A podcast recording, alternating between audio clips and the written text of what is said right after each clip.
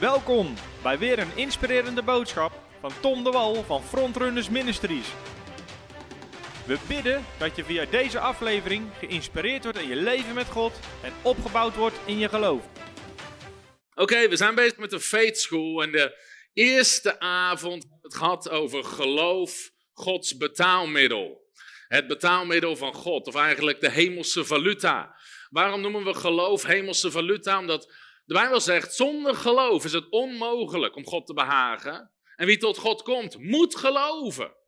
Dus geloof is een voorwaarde om met God samen te werken.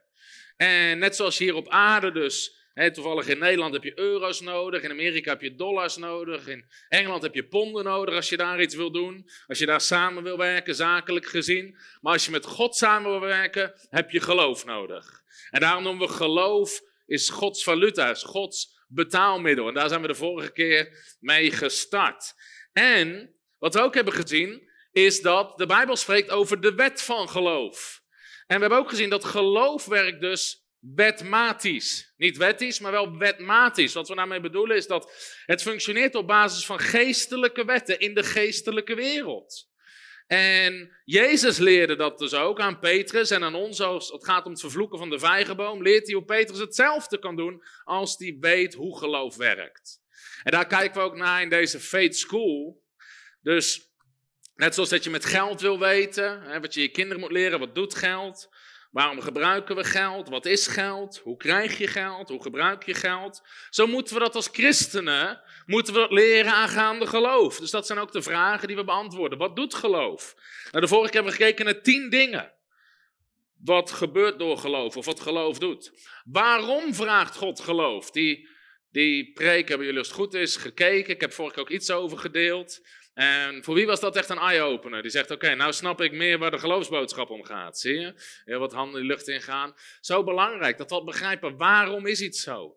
Daarom begin ik ook in mijn boek Woorden van Geloof, over de kracht van woorden. Waarom hebben onze woorden nou kracht? Heel vaak moet je mensen eerst helpen om de waarom te snappen. Zodat ze daarna kunnen begrijpen hoe ze dingen kunnen gebruiken. Nou, vanavond gaan we ook verder met wat is geloof, maar vanavond gaan we kijken naar wat is geloof niet. En we gaan nog kijken gedurende de school naar hoe krijg je geloof en hoe gebruik je je geloof. Nou, we hebben de vorige keer ook al gezegd, er zijn vijf vormen van geloof waar de Bijbel over spreekt. En ik zal je nog even opfrissen. De eerste is het geloof, wat gewoon verwijst naar het algemene christelijke geloof. De Bijbel spreekt over geloof voor redding. We worden gered door geloof. De Bijbel spreekt over geloof als vrucht van de Heilige Geest. Gelaten 5 vers 22 de vrucht van de geest is, en dan staat in dat rijtje staat geloof. De Bijbel spreekt over geloof als gave van de Heilige Geest, in 1 Korinthe 12, vers 8 en 9. En de Bijbel spreekt over geloof voor specifieke situaties. Dus je geloof gebruiken om de beloftes van God te ontvangen, of zodat God door je heen kan werken. Dat noemen we geloof voor specifieke situaties. Dat zijn die vijf vormen van geloof. En de vorige keer hebben we het ook gehad over wat doet geloof. We hebben gezegd, door geloof word je gered. Door geloof behagen we God. Door geloof worden je gebeden beantwoord. Door geloof ontvangen we Gods beloftes. Door geloof ga je beloofde land in, dat is nummer vijf. Waar we zeggen, we leven door geloof. Dus iedere christen hoort te leven door zijn geloof en op basis van zijn geloof. Dus als christen heb je een levensstijl van geloof. Dat is nummer zes. Nummer zeven is geloof haalt alle onmogelijkheden van ons leven af. Want Jezus zegt, alles is mogelijk voor degene die gelooft. We hebben het gehad over geloof geeft je overwinning over uitdagingen en problemen. dit is de overwinning die de wereld overwonnen heeft, ons geloof. Nummer 9 is geloof is het schild tegen de aanvallen van de vijand. Dus ik heb je ook aangeraden mijn boekje Schild van Geloof te lezen. Hoeveel hebben deze al wel gelezen? Anders neem hem mee, hij ligt achterin. Je leest hem echt in een uurtje, anderhalf uur lees je hem uit. En dan begrijp je wat Paulus bedoelt met het schild van geloof. Dus je gebruikt je geloof niet alleen om dingen van God te ontvangen, maar ook om dingen van de duivel af te stoten. En we hebben het gehad over een hoge vorm van geloof. Geloof verandert landen. Het geloof landen verandert. Dus dat is de basis die we gelegd hebben. Nou, je mag met me meegaan naar Hebreeën, hoofdstuk 11. En Hebreeën, hoofdstuk 11, noemen we ook wel eens het geloofshoofdstuk. Het geloofshoofdstuk, omdat de schrijver van de Hebreeënbrief, sommigen geloven dat het Paulus is, anderen denken dat het iemand anders is, maar dat gaan we niet in deze school behandelen. Hebreeën hoofdstuk 11 is het geloofshoofdstuk. En wat ik vanavond wil gaan doen, is ik wil een heel klein beetje gaan kijken naar wat geloof is. Maar ik wil ook heel erg gaan kijken naar wat geloof niet is. Daarom hebben we de titel van deze les ook genoemd: Verwar dit niet met geloof. En we gaan behandelen vanavond tien dingen die mensen wel eens verwarren met geloof. Waardoor ze denken dat ze geloof hebben, maar het eigenlijk niet hebben en het geen resultaat heeft. Nou, het bijzondere aan geloof is dat God zelf definieert wat geloof is. En naar mijn weten kan ernaast zitten. Maar is dat niet zo van heel veel Bijbelse begrippen te zeggen? De Bijbel omschrijft liefde in 1 Korinthe 13, maar zegt nergens in één zin wat liefde precies is, behalve God is liefde. Maar van geloof geeft God zelf een definitie. En dat is lekker, want dan hoeven we het zelf niet te verzinnen. Amen. En wat is de definitie van geloof? Hebreeën 11, vers 1, daar zegt God dit. Het geloof nu is een vaste grond. Een andere vertaling zegt de zekerheid van de dingen die we hopen. En het bewijs van de dingen die we niet zien. Het geloof is de zekerheid van de dingen die we hopen en het bewijs van de dingen die we nog niet zien. Dus dit is Gods eigen definitie van geloof. En het is zo belangrijk dat mensen begrijpen wat geloof is. Ik heb meegemaakt dat mensen zeggen, ja, maar die persoon, hè, een keer iemand die had een ongeluk gehad en mensen zeggen, maar hij staat echt in geloof voor genezing. En dan sprak ik die persoon en die zei van, ja, nou, nou, volgens de arts moet ik nog wel een jaar revalideren, dus reken er voorlopig maar niet op dat ik dit en dat kan doen. Dus mensen kunnen zeggen van die persoon heeft echt geloof. Iemand kan zelf zeggen ik heb echt geloof. Maar vervolgens schetst hij de situatie waarin hij gewoon helemaal verwacht dat wat de arts zegt gebeuren zal. En dat zijn dingen die komen heel vaak voor. Mensen die denken dat ze geloof hebben, zeggen dat ze geloof hebben, maar eigenlijk een verkeerd beeld soms hebben van geloof. En daarom is het belangrijk om te kijken, wat is geloof ook niet? Wat is geloof ook niet? En soms, hè, dat zijn, ik zeg al bolwerken, die zitten in je bol, daarom heet het bolwerken. Dat is een heel makkelijk ezelsbruggetje. Sommige mensen denken meteen aan een octopus, geest in de geestelijke gewesten. Nee, hij zit hier. Je hoeft niet naar de hemelse gewesten, je moet 10 centimeter naar boven, boven je mond. Daar moet je ongeveer zitten. Daar zitten veel bolwerken bij mensen. En daarom kijken we in deze les ook naar wat is geloof niet. Omdat soms kunnen we een verkeerd beeld hebben van wat geloof is. En heel interessant, maar als God Jeremia roept, gaan we nu niet lezen in Jeremia hoofdstuk 1. Maar dan zegt God, ik roep je als een profeet. En dan zegt God eerst om af te breken en om neer te halen en om te vernielen. En God zegt, en om daarna weer op te bouwen. Soms moet je eerst dingen weghalen uit mensenlevens voordat je gezond op kan bouwen. Amen. Want anders ga je bouwen op een fundament wat niet goed is. Dan ga je bouwen op een eigen idee wat mensen hebben van geloof. En daarop gaan ze bouwen en bouwen. Maar Jezus leert ons, als het fundament niet goed is, stort het uiteindelijk in. Amen. Dus soms moet je eerst dingen weghalen. En daarom gaan we kijken naar tien dingen die verward worden met geloof. Zodat we kunnen weten, daarna kunnen kijken de volgende keer, wat is echt geloof? Nou, geloof hebben we dus vergeleken met geld of met valuta.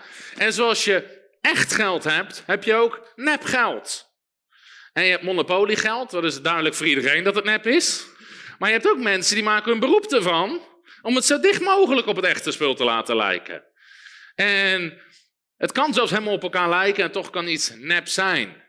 En wanneer kom je erachter? Op het moment dat je in de winkel wil betalen en ze halen door zo'n scanner. En dan zeggen ze, meneer, deze is niet echt. Of je wil het storten bij de bank en dan krijg je een melding.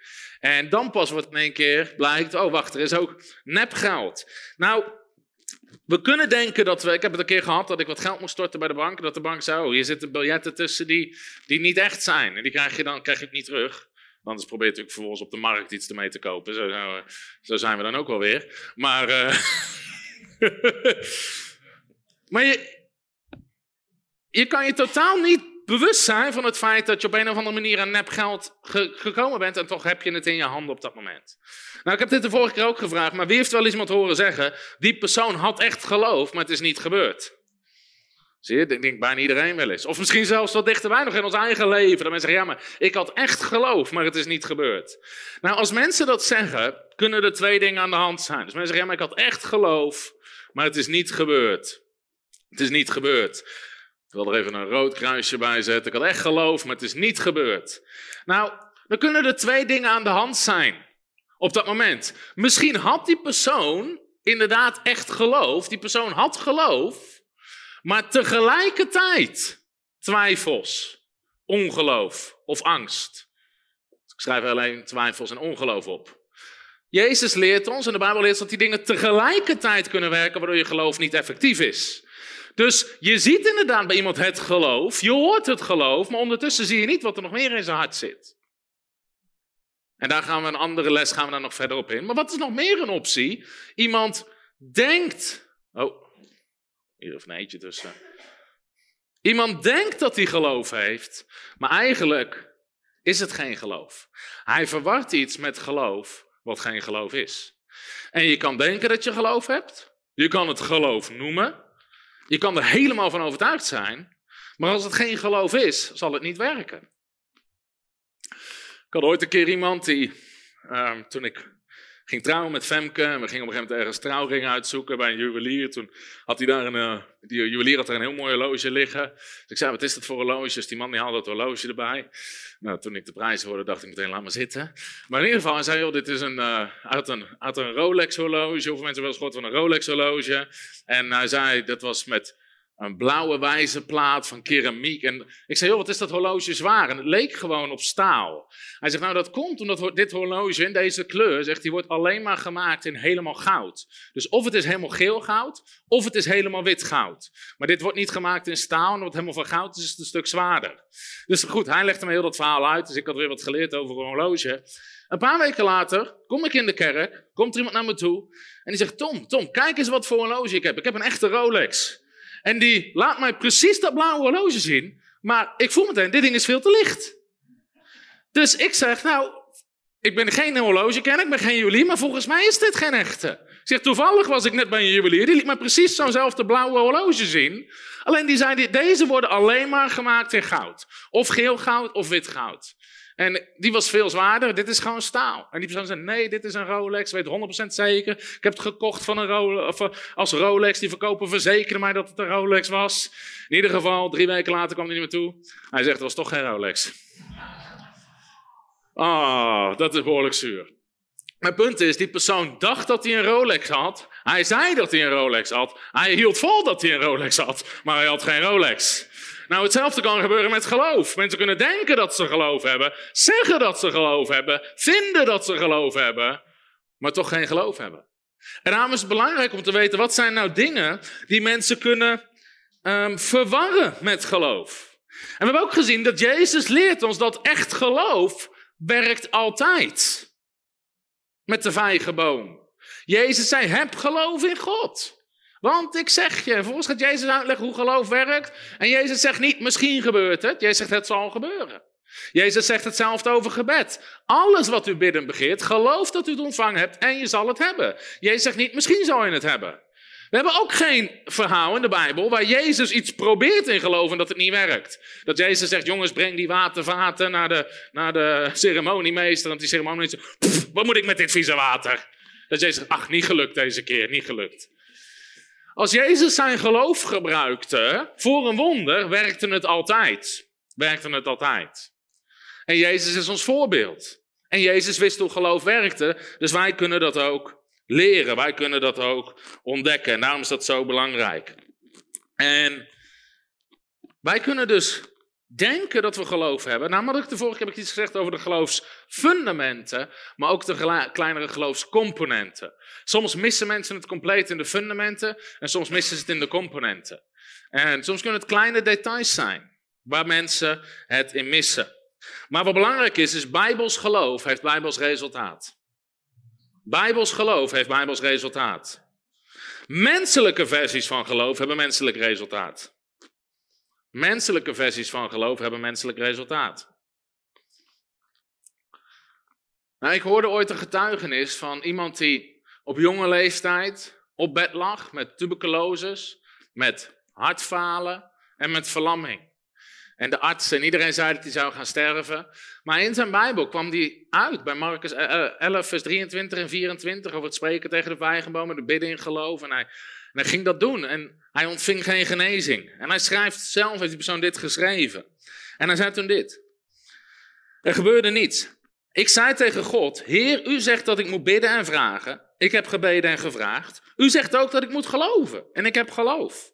Hij zei: Heere Jezus, al zou u zelf hier naast mijn bed staan op dit moment. Ik zou met mijn fysieke ogen zien. En u zou tegen mij zeggen: Zoon, het probleem met jou is dat je geen geloof hebt. Zou ik zeggen: Heer, u liegt, want ik heb geloof. Nou, terwijl deze persoon dit zei tegen God, hoorde hij de stem van God. En God zei tegen hem: Ja, je hebt geloof, maar je hebt geloof zoals jij denkt dat geloof werkt. Maar je bent het laatste deel van het vers vergeten. Geloven dat je het ontvangen hebt en je zult het hebben. En hij zei, het was alsof het licht in me aanging. Hij zei, Heer Jezus, ik zie het, ik zie het. Ik moet geloven dat ik mijn genezing ontvangen heb, voordat ik het zie of ervaar. Ik moet geloven dat mijn hart genezen is, mijn tuberculose genezen is, mijn verlamming is genezen, terwijl mijn hart nog niet goed functioneert. En ik moet gaan geloven dat mijn verlamming genezen is, terwijl ik nog van natuurlijk oogpunt verlamd ben. En als ik geloof dat ik het ontvangen heb, dan ontvang ik het. Hij zei, dat had ik nog niet gedaan. Hij zei, ik geloofde dat God kon genezen. Ik geloofde dat God wilde genezen. Ik geloofde dat God mij wilde genezen. Maar ik wilde eerst genezen voordat ik geloofde dat hij mij had genezen. Maar je hoeft niet meer te geloven als je het al ziet. Want geloof is de zekerheid van de dingen die je niet ziet. Anders hebben mensen natuurlijk geloof. Zeggen veel Nederlands, ik wil het eerst zien, dan geloven. Nee, het werkt andersom. Je moet eerst geloven, dan ga je het zien. Uiteindelijk, hij ging dat doen en hij genas compleet. Hij genas compleet. Ontving complete genezing. En dan zie je hoe het eigenlijk mist in een detail. Als hij zou vragen, geloof je God? Geloof je in genezing? Ja. Geloof dat God jou wil? Ja. ja. Hij zou op alles ja zeggen. Toen doet God hem wees op een, op een punt wat hij gewoon nog niet door had. Nou, daarom is het belangrijk om te leren kennen de dingen die we kunnen verwarren met geloof. En ik ga tien dingen met je noemen. En de eerste is een hele grote in Nederland en in het Westen. En ik ga hem onderverdelen in twee kopjes. Namelijk, geloof is geen verstandelijk instemmen. Geloof is geen verstandelijk instemmen. De Bijbel zegt in Romein hoofdstuk 10, met het hart gelooft men. Ik heb vorige keer ook gezegd, dat spreekt over je wedergeboren geest, niet over je fysieke hart. Met je fysieke hart kan je God niet geloven, net zoals je God niet kan geloven met je darmen en je lever. Of je longen. Als de Bijbel spreekt ook over de besnijdenis van hart, betekent niet ons fysieke hart. Het spreekt over onze wedergeboren geest. Dus geloof is een kracht die werkt vanuit je geest, niet vanuit je verstand. Dus je kunt iets weten met je verstand, maar dat betekent niet dat, dat je geloof hebt. Nou, dat spreekt over twee dingen. Nummer één, algemene Bijbelkennis is nog geen geloof. Algemene Bijbelkennis is nog geen geloof.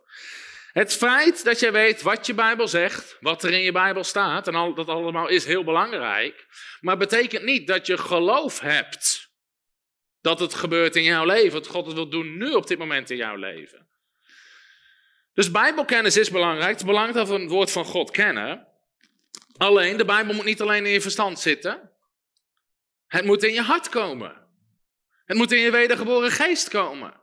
En je moet het persoonlijk maken. Daarom zie je soms ook dat de beste theologen hebben niet per se de meeste vrucht. Sterker nog, mensen kunnen een onderwerp helemaal bijbels bestuderen, het helemaal kennen. Ieder detail in het Grieks, in het Hebreeuws en in het Aramees, maar geen geloof hebben. Je kan het onderwerp liefde vanuit de Bijbel helemaal kennen, iedere tekst uit je hoofd kennen. Je kan het proclameren, je kan het kennen in het Grieks, het Hebreeuws en iedere taal die er is, maar je kan een hork van een vent zijn. Nogmaals, het is belangrijk dat we het woord van God kennen, maar algemene Bijbelkennis is nog geen geloof. Daarom is het juist mooi, want als, als je kijkt naar in de Bijbel, zegt Jezus maar van twee mensen dat ze een groot geloof hadden. En het opvallende is, dat waren niet de schriftgeleerden, waren niet de rabbies, waren niet de theologen van die tijd, was niet de hoge priester. Het was een Canaanese vrouw, een heidense vrouw, die een groot geloof had. En het was een heidense hoofdman die een groot geloof had. Sterker nog, je ziet juist in de Bijbel dat normale mensen, even de zaakjes, ik hoop dat je jezelf in die categorie vindt vallen, die vonden het makkelijker om geloof te hebben dan de schriftgeleerden en de fariseeën en de theologen. Waarom? Omdat die zaten vast in hun kennis. Die zaten vast in hun kennis. Bovendien, je kunt alle theorie en theologie perfect kennen zonder dat je getuigenis hebt, zonder dat je vrucht hebt in je eigen leven. Jan Sjoerd Pasterkamp, mijn geestelijke vader, vertelde mij het verhaal. Ik heb het verhaal ook staan in mijn boek Bidden is ontvangen. Over een uh, man in Australië. Die, en dat was in de tijd, er waren nog geen telefoons, geen internet, dat alles was er nog niet meer. Was een, wat wij zouden zeggen, misschien een eenvoudige man. Die niet een hele hoge opleiding genoten had. Had eerst gewoon gewerkt als garnalenvisser. En later ging hij werken als vrachtwagenchauffeur. Maar hij kwam tot bekering, had geen religieuze achtergrond, geen, um, geen gelovige ouders. En hij was eigenlijk altijd onderweg met zijn vrachtwagen. En iemand had hem de Bijbel gegeven. En die man die las zijn Bijbel en die geloofde het. Dus als hij las, alles wat u bidden begeert, geloof dat u het ontvangen zult en het zal u ten deel vallen. En die man die had de grootste getuigenissen. Dat als Jan Sjoerd sprak, vertelde, vroeg Jan Sjoerd hoe ging het, zei hij, ja goed, ik was daar in the middle of nowhere, weet je, uren van de beschaafde wereld en ik kreeg een lekker band en mijn band klapte. Maar ik ging naast mijn band zitten op mijn knieën en ik bad God om mijn band te repareren. En ik deed mijn ogen open en de band was vol met lucht en ik kon weer verder rijden. Dat soort getuigenis had die man aan de lopende band. Lopende band. Nou, totdat er andere christenen kwamen in zijn leven. Die hem vertelden, ja, maar zo werkt het niet. En God gaat je niet alles geven waar je voor bidt. En totdat religie binnensloop. En het geroofd werd uit zijn leven. Nou, mijn punt is, we hebben allemaal diezelfde tekst. Maar Weten dat het in je Bijbel staat is een verschil als geloof hebben in je hart dat het gebeurt in je eigen leven. Zie je het verschil? Hetzelfde verhaal met in de binnenlanden van Afrika. En ik heb zelf ook in plekken geweest waar dat gebeurt, waar ze Bijbels uiteenscheuren omdat ze geen geld hebben voor Bijbels. Dus ze geven iedereen een pagina of twee pagina's. En er was daar een Afrikaanse man die tot geloof gekomen was en hij kreeg Handelingen hoofdstuk 8, het hoofdstuk van Filippus, de evangelist. En op een gegeven moment was er een westerse zendeling en die sprak die man en die vroeg die man hoe gaat het? Die man zei goed, ik ben net in dat dorp geweest, evangelie verkondigd, zieken genezen, toen was ik daar, toen was ik... En begint te vertellen wat hij allemaal had gedaan de afgelopen week. En die westerse zendeling beseft, hoe kan die man dat doen? Hij heeft geen, hij heeft geen vliegtuig, hij heeft geen auto, hij heeft, hij niet eens een fiets. Ze vroeg, joh, je vertelt over al die plekken waar je bent, hoe kom je daar? En die man zegt, hoezo, hoe kom je daar? Dat staat toch gewoon in de Bijbel? En die refereert naar de tekst van Filippus, waar staat, Filippus werd door de geest weggenomen en in een andere plaats gezet en verkondigde daar het evangelie. Die man die had maar één Bijbel, die had maar één hoofdstuk, maar die geloofde ieder woord. Als ik zou vragen, kennen we allemaal dat verhaal? Ja, we kennen het verhaal allemaal, maar dat is iets anders als de vrucht hebben, het geloof hebben voor jouw eigen leven, dat het gebeurt in je eigen leven. En daar zie je dus het verschil. Dat algemene Bijbelkennis is nog geen geloof. Is nog geen geloof. En waar we heel vaak mee zitten in het Westen is verstandelijk instemmen. Maar geloof is geen verstandelijke kracht, het is een geestelijke kracht. Het is een werk van de Heilige Geest. John Wesley, de bekende opwekkingsprediker uit 1700, zei dit. Hij zei, de duivel heeft de kerk een vervanger gegeven voor geloof. Het lijkt op geloof, het klinkt als geloof, maar het is geen geloof. Deze vervanging van geloof is verstandelijk begrijpen.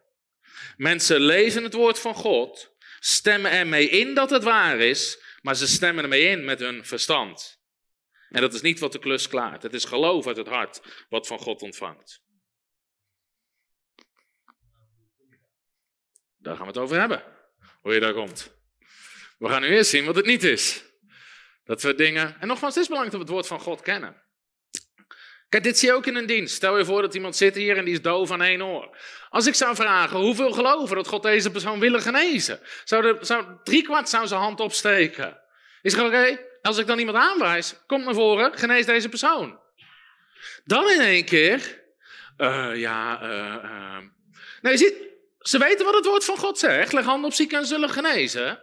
Ze, ze weten dat het waar is, maar dat is iets anders dan geloven met je hart dat het gebeurt op het moment dat jij handelt in geloof. En daarom is het zo belangrijk dat we daar wel komen. Ga nog even mee naar Marcus 11, vers 23.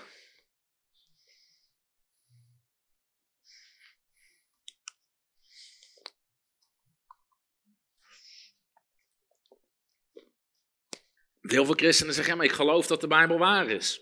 De Bijbel is ook waar.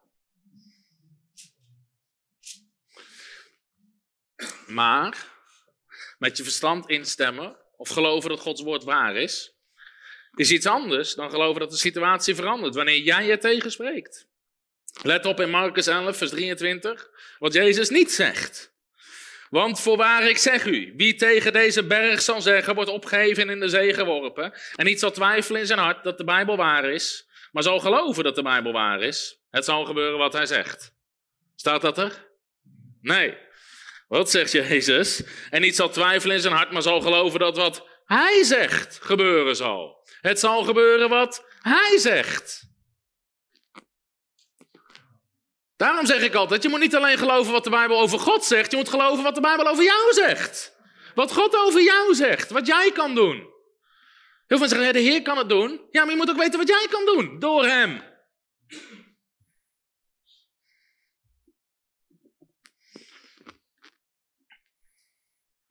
Daarom is het zo belangrijk dat we vrucht hebben. Dat we resultaat hebben. En anders zijn we misleid. Moest een keer spreken een voltijd bijbelschool en bij de introductie zei ik, vandaag ga ik spreken over geloof. En de meisje op de eerste rij zegt, och, dat weet ik al. Ik zei, oké, hoeveel zieken heb je genezen? Hoeveel doden heb je opgewekt? Hoeveel demonen heb je uitgedreven? Hoeveel blinden heb je gezien die weer konden zien? Hoeveel doven konden weer horen? Uh, ja, uh... eigenlijk niks. Maar mensen denken dat ze het al weten. Dus daarom is het zo belangrijk. Geloof is geen verstandelijk instemmen. Dus zou zeggen, ja maar, weet je, ik weet dat de Bijbel zegt, door zijn streamen ben ik genezen. Dat is mooi, dat is een hele mooie eerste stap. Maar nu moet het van weten naar je hoofd, naar geloven met je hart. Dus geloof is geen kennis, geen verstandelijk instemmen. Wat is geloof nog meer niet? Nummer twee. Geloof is geen willen of wensen. Geloof is geen willen of wensen. Regelmatig, ook in genezingsdiensten, worden er mensen bij me gebracht en dan zegt degene die meeneemt, deze persoon wil graag genezen. Amen, dat wil iedereen. Of mensen zeggen, ik wil graag dit, ik wil graag genezen, ik wil graag een nieuw huis, ik zou zo graag dit, ik zou zo graag dat. Nou, een wens is goed. Zelfs een hartsverlangen is goed. Alleen het is nog geen geloof. Het probleem is dat mensen, sommige mensen willen zo graag iets, verlangen zo graag iets, dat ze het verwarren met geloof hebben. Snap je wat ik zeg? Sommige mensen willen zo graag iets, bijna zijn zo wanhopig voor iets, dat ze dat heel graag willen of wensen geloof beginnen te noemen.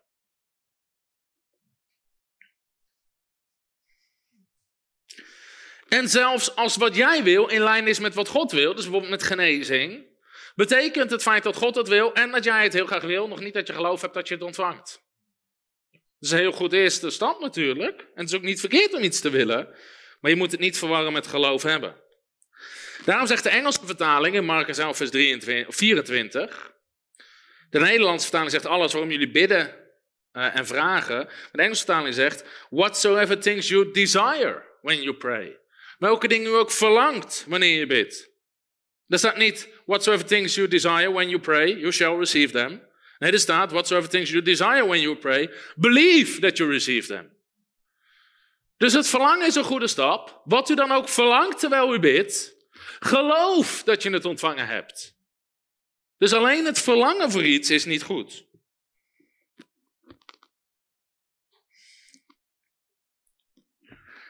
En nu gaan we naar nummer drie. En nummer drie is misschien wel de meest voorkomende fout als het gaat om wat mensen verwarren met geloven. En dat is namelijk, geloven is geen hopen. Geloof is geen hoop. En dit is de meest voorkomende fout en het ding wat het meest verward wordt met geloof. Hebreeën 11, vers 1 zegt het geloof nu is de zekerheid van de dingen die men hoopt. Dus het geloof nu is de, zijn we op het woord zekerheid van de dingen die men hoopt. De Bijbel zegt niet het geloof nu is wat men hoopt. Nee, er zit een woord tussen. Het geloof is de zekerheid van de dingen die we hopen. Nou, heel vaak als het gaat om de beloftes van God, En als je vraagt aan mensen, geloof je dat je het ontvangen hebt? Is heel vaak het antwoord, ik hoop het. Ik hoop het. Ook in genezingsdiensten of in bevrijdingsdiensten. Geloof je dat God je nu vrij gaat zetten? Uh, ik hoop het. Ik hoop het. En dat is in die zin, het is een eerste stap, maar het is geen geloof. Het is geen geloof. En dit is het ding wat het meest verwisseld wordt met geloof.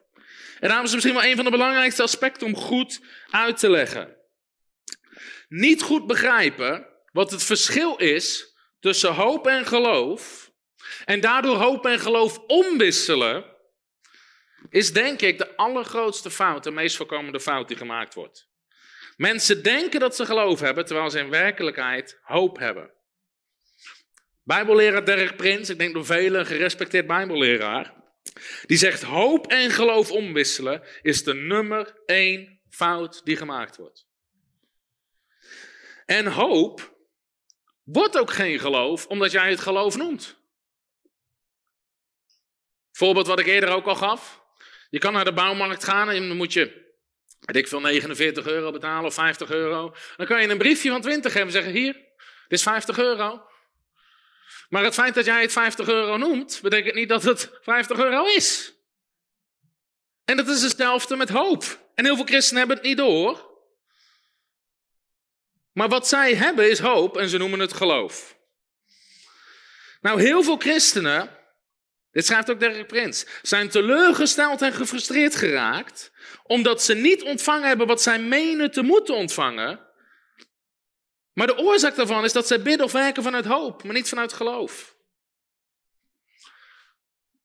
Het ding is, de resultaten die God koppelt aan het hebben van geloof, worden nooit gekoppeld aan het hebben van hoop. De Bijbel zegt niet, zonder hoop is het onmogelijk om God te behagen. Jezus zegt niet, alles wat u hoopt, dat u ontvangen zult, zult u hebben. De Bijbel zegt niet dat we door hoop gered worden. Jezus zei heel vaak, het geschieden naar uw geloof. Hij zei niet, het geschieden naar uw hoop. Dus de resultaten die gekoppeld worden aan geloof zijn heel anders dan aan hoop. Die resultaten worden niet gekoppeld aan hoop. En daarom is het zo belangrijk dat we leren wat is het verschil tussen hoop en geloof. En daar wil ik deze les naar gaan kijken. Nou, ten eerste is het belangrijk om te weten dat de Bijbel spreekt over twee soorten hoop. Er zijn twee soorten hoop. Nummer één is gewoon menselijke, of je zou kunnen zeggen natuurlijke hoop. Menselijke hoop. En nummer twee is bijbelse of goddelijke hoop. Bijbelse of goddelijke hoop. Dat zijn de twee vormen van hoop die de Bijbel beschrijft. Nou, wat is menselijke hoop? Is eigenlijk waar we het net over hebben gehad, is gewoon iets heel graag willen. Of graag zouden zien dat iets zo zou zijn.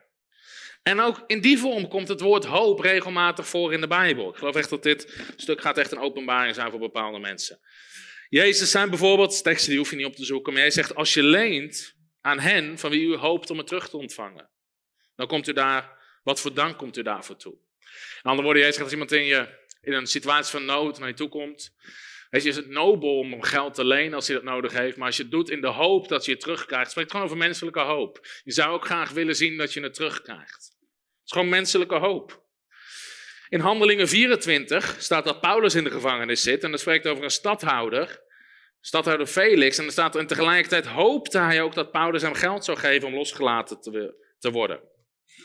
Nou, die stadhouder die had Paulus gevangen en die hoopte gewoon dat Paulus op een dag hem geld zou geven om losgelaten te worden. Dat spreekt over menselijke hoop. Iets graag willen zien. Graag zou zien dat iets zo is. Maar geloof is de zekerheid van de dingen die we hopen. Geloof is de zekerheid van de dingen die we hopen. Dus bij hoop weet je het niet zeker. Bij hoop weet je het niet zeker. Maar Bijbels geloof weet zeker. Bijbels geloof weet zeker. Soms hoor je mensen zeggen, we hebben ervoor gebeden. Het enige wat we nog kunnen doen is hopen.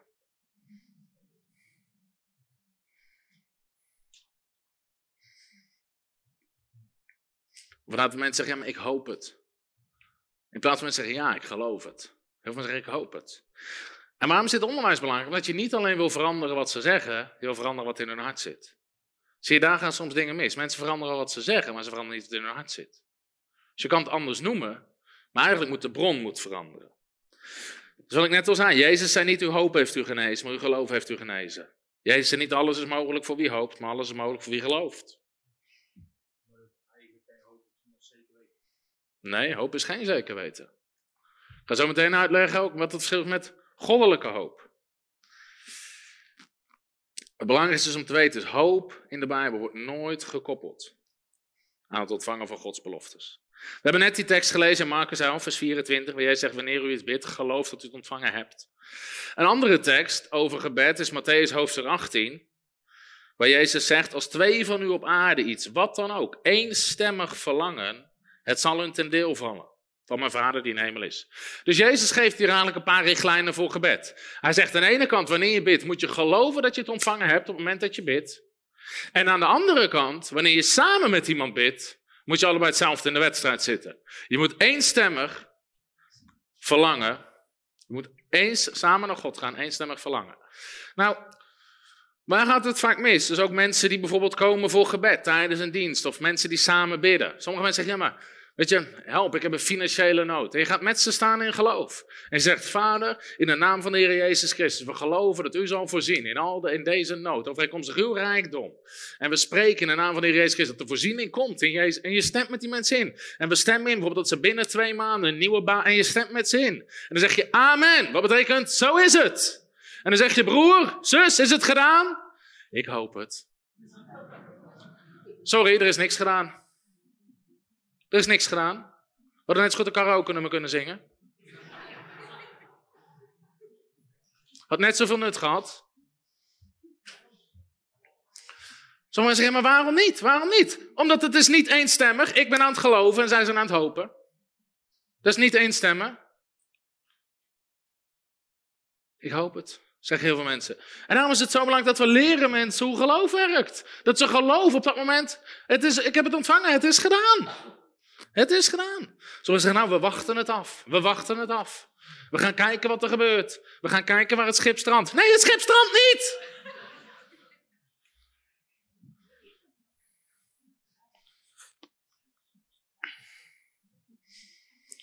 Nou, wat is belangrijk? Als we niet voldoen aan Gods voorwaarden, komen we ook niet in aanmerking voor Gods belofte. Als je de resultaten wilt hebben die God belooft, moet je ook geloven zoals God het van je vraagt. Nog een keer. Als je de resultaten wil hebben die God belooft, moet je leren om te geloven zoals God van je vraagt. Soms zeggen mensen, ja, maar zelfs Tom de Wal heeft gebeden. De Bijbel zegt niet, laat Tom de Wal bidden. De Bijbel zegt dat jij geloof moet hebben terwijl je bidt. Het maakt niet uit wie er bidt. God heeft geen aanzien des persoons, God heeft aanzien des geloofs. Amen. God kijkt niet naar wie er bidt, God kijkt naar wie er gelooft. Het is niet gebed wat je vrijzet. Het is de waarheid die je vrijzet. Daarom hebben sommige mensen niet meer gebed nodig. Wat ze nodig hebben is de waarheid. Want je zal de waarheid kennen en de waarheid zal je vrijzetten. Sterker nog, en ik heb het nou even niet over specifieke genezingsdiensten of bevrijdingsdiensten, maar ik ben er zelfs een beetje moe van geworden om voor allemaal mensen te bidden na de dienst. Als je ergens gesproken hebt, ik doe het niet meer. Hele rijen tot aan de deur. Wil je voor me bidden? Wil je voor me bidden? Bid zelf! Ja, maar ik ben er volgende week niet. Wat, eh, wat ga je dan doen? Je moet zelf leren bidden. Ik ben je priester niet. De Oud Testament is via de priester naar de Heer. Je kan rechtstreeks naar de Heer. Amen. Door het bloed van Christus. Je hebt net zo'n goede verbinding met de hemel als ik. We hebben allebei 7G. Rechtstreeks naar boven, halleluja. Weet ik veel wat ze daar gebruiken.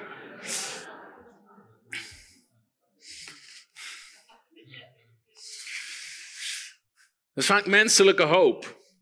Maar nu komt iets wat voor veel mensen een openbaring is. De Bijbel spreekt ook over een andere vorm van hoop. En dat is namelijk bijbelse hoop. Of goddelijke hoop.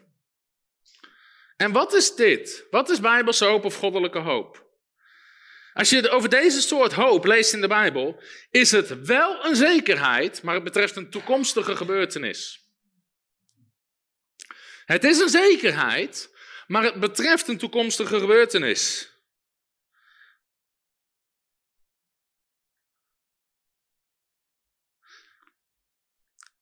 En we gaan even een tekst lezen, een paar teksten lezen, om het verschil te zien tussen goddelijke hoop en geloof. Want dit is nog steeds geen geloof. Handelingen 24. Handelingen 24. Als je gevonden hebt, zeg je prijs de Heer. Kijk, je bent de eerste. Nogmaals voor de mensen die online kijken. Ook van harte welkom. Je kan ook terugkijken. En onze ministry team zit er klaar om mensen in te stemmen in geloof. Halleluja. Handelingen 24, vers 15. Nou, dit zegt Paulus. Let op. Ik heb hoop op God. Zij zelf verwachten het ook. Dat er een opstanding van de doden zal zijn. Van zowel rechtvaardige als onrechtvaardige. En daarom oefen ik mijzelf om altijd een zuiver geweten te hebben voor God en de mensen. Nou, wat zegt Paulus hier?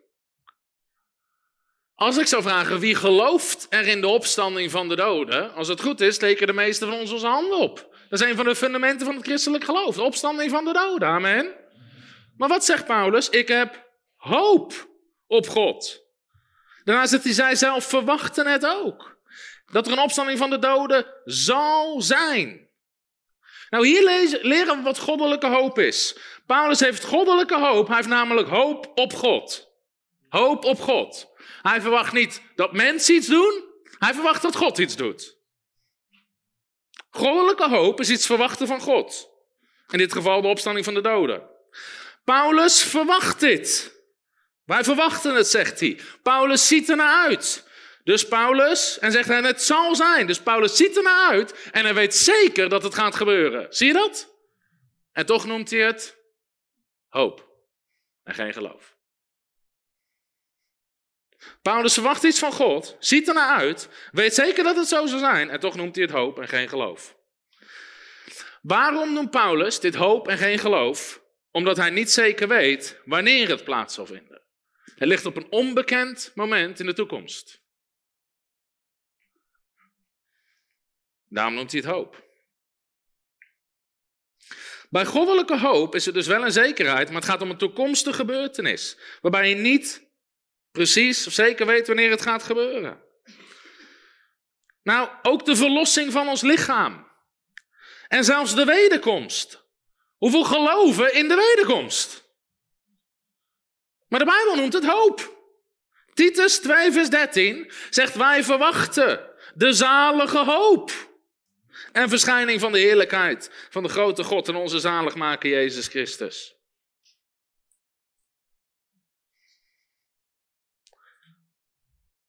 Omdat het spreekt over een toekomstige gebeurtenis. Laatste tekst die even op mag zoeken is Romeinen hoofdstuk 8. Ik ga het zo meteen praktisch maken. En ik geloof dat dit voor veel mensen een openbaring zal zijn, wat ze gaat helpen. Daarom deze week zetten we hem voor en volgende week koppen we hem in. Romeinen hoofdstuk 8 vanaf vers 23. Wat ook spreekt over de verlossing van ons lichaam. In andere woorden, op een dag worden van ons fysieke lichaam verlost. Wanneer we naar de eeuwigheid gaan, wanneer we naar de heerlijkheid gaan. En dan staat er in Romeinen 8 vanaf vers 24. Want in de hoop zijn wij zalig geworden. Hoop nu die gezien wordt, is geen hoop. Als je, ik hoef niet te hopen dat hier vanavond mensen zijn, want ik kan ze zien. Amen. Hoop die gezien wordt, is geen hoop. Immers wat iemand ziet, waarom zou hij dan nog hopen? Maar als wij hopen wat wij niet zien, dan verwachten wij het met volharding. En dit spreekt over de verlossing van ons lichaam. Dan kan je lezen in vers 23. Dus de, Paulus weet dat zeker en nog steeds noemt hij het hoop. Waarom? Omdat het gaat om een toekomstige gebeurtenis waarvan hij niet zeker weet wanneer het gaat gebeuren. Nou, let op. Dit is de openbaring. Zolang mensen spreken over een toekomstige gebeurtenis waarvan ze niet zeker weten wanneer het plaats gaat vinden, is het geen geloof, maar hoop. Nog een keer. Zolang mensen spreken over een toekomstige gebeurtenis waarvan ze niet zeker weten wanneer het plaats gaat vinden, is het geen geloof, maar hoop. Ik zal je een praktisch voorbeeld geven, wat heel herkenbaar is. Ik heb veel christenen ontmoet die zeiden: Ik geloof dat God me gaat genezen. Ik geloof dat God me gaat genezen. Ondanks dat deze mensen zeggen dat ze geloof hebben, is het vaak goddelijke hoop. Ze verwarren goddelijke hoop en geloof. Ze zeggen: Ik geloof dat God me gaat genezen. Ze hebben het over een toekomstige gebeurtenis, maar ze hebben geen idee wanneer het plaats zal vinden. Nou, dit soort mensen kampen niet per se met ongeloof, maar ze verwarren iets anders met geloof, wat geen geloof is. Ze proberen hoop aan te bieden in plaats van geloof. Ik heb prachtige, lieve, toegewijde, geestvervulde christenen ontmoet. Die ziek werden en bleven zeggen: Ik geloof dat God me gaat genezen. Ik geloof dat God me gaat genezen. Ik geloof dat God me gaat genezen. En die uiteindelijk stierven. Waarom? Omdat ze hun genezing bleven uitschuiven naar de toekomst. Totdat het te laat was. Daarom is ziekte is een lelijk ding. Als mensen komen met financiële schulden, heb je soms wat meer genade of wat meer tijd om mensen te helpen.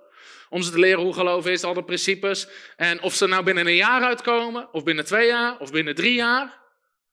Dat is wat minder van belang. Maar waar mensen te maken met een ernstige vorm van ziekte, kan de tijd wel degelijk van belang zijn.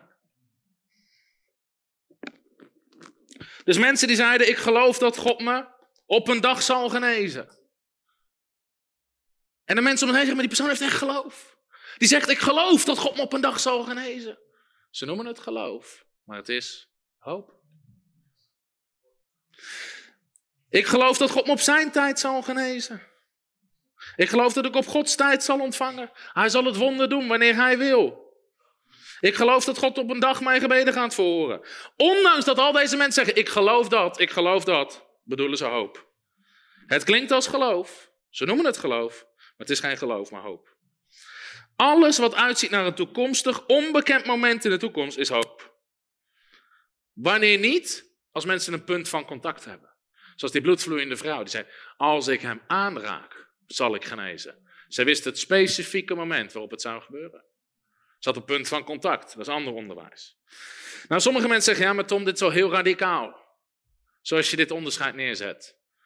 Nou, wat nou als we het er even plat slaan en gaan vergelijken met gered worden? Als we het evangelie delen, vergeving van zonde, en mensen blijven zeggen: Ik geloof dat God me gaat redden. Ik geloof echt dat, ja, ik, ik geloof wat je zegt. Ik geloof dat God gaat me op een dag redden. Ik geloof God gaat me op een dag vergeven. Ik geloof dat ik een keer gered zal worden. Of ik zal op Gods tijd gered worden. Wat zeggen we tegen dat soort mensen? Nee, nee, nee, nee, nee. Dat is hoop. Dat is hoop. Je moet geloven. Daarom, en daar gaan we de volgende keer dieper op in. Maar de Bijbel zegt, het geloof nu is de zekerheid van de dingen die we hopen. Als het niet nu is, is het geen geloof. De Bijbel zegt niet, het geloof nu wordt. Daarom zegt 1 Petrus 2 vers 24 ook niet door zijn streamen gaat u genezen, maar door zijn streamen bent u genezen. Daarom als het gaat om christenen te helpen om een genezing te ontvangen, moet je soms eerst een perspectief even wijzigen van niet God gaat iets doen, God heeft het al gedaan. En we, we zijn bezig vanuit een heel ander standpunt. En de volgende keer wil ik dus dieper ingaan op wat geloof wel is. Maar voor hoeveel mensen zit een openbaring? Over het verschil tussen hoop en geloof. Nou, nogmaals, het is niet per se. Hè, de Bijbel zegt dat geloof is de zekerheid van de dingen die we hopen. Dus hoop is belangrijk. Het is een eerste stap. Je kan geen geloof hebben als je überhaupt geen hoop hebt. Kijk, het feit dat je hier zit is omdat je hoopt iets te leren tijdens deze school. Als je geen hoop had, was je niet eens gekomen. Het feit dat mensen naar een genezingsdienst komen, is dat ze hopen om genezing. Dus de eerste stap is hoop. Als mensen helemaal geen hoop hebben, kunnen ze onmogelijk geloof hebben. Net zoals dat je niet zwemdiploma C kan halen als je nooit A hebt gehaald. Je moet ergens, ook die bloedvloeiende vrouw, die hoopte eerst. Er is ergens een moment geweest dat ze hoop had, dacht, zou ze het ook voor mij zijn? Maar er kwam een moment dat er zekerheid werd en zei, dit is voor mij en als ik hem aanraak ben ik genezen. Dus als je een ladder zou schetsen, dan is het gewoon een eerste stap. Maar soms moet je mensen eerst helpen met hoop. Voordat je ze kan helpen met geloof. Door eerst eens gewoon het beeld te veranderen wat ze hebben over zichzelf. Maar dit is zo'n groot issue. Over wat mensen verwarren met geloof. Dat is het derde. Geloven is geen hopen. Geloof is geen hopen. Wat is het vierde? En de komende dingen kunnen we sneller doorheen. Dit was een van de grootste. Daarom zeg ik, dit is, dit is een van de meest voorkomende dingen. En het grootste misverstand tussen wat mensen denken wat geloof is en wat geloof is. Het vierde is, geloof is geen gissen. Geloof is geen misschien. Sommigen zeggen, ik ga naar de genezingsdienst en misschien genees ik wel. Ik laat voor me bidden voor de doop in de geest en misschien kan ik daarna in tongen bidden. Ik ga naar bevrijdingspastoraat en misschien kom ik wel vrij. Dus misschien. Vroeger had je zo'n spelletje op tv, doet hij het of doet hij het niet? En dan stopte het beeld en dan moest je zeggen, ja, gaat hij het wel of niet doen? Nou, sommige mensen denken dat God ook zo is. Misschien doet hij het, misschien doet hij het niet. Maar de Bijbel zegt, al Gods beloftes zijn ja en amen in Christus. Niet nee en misschien. Daarom is religie zo'n lelijk ding. Soms zegt God ja, soms zegt God nee en soms zegt God wacht even. dat zegt God helemaal niet, jij zegt dat. Houd toch op man. Al Gods beloftes zijn ja en amen. Niet nee en misschien, niet wacht even. Dat zou een goede titel zijn voor een preek. God zegt nooit nee.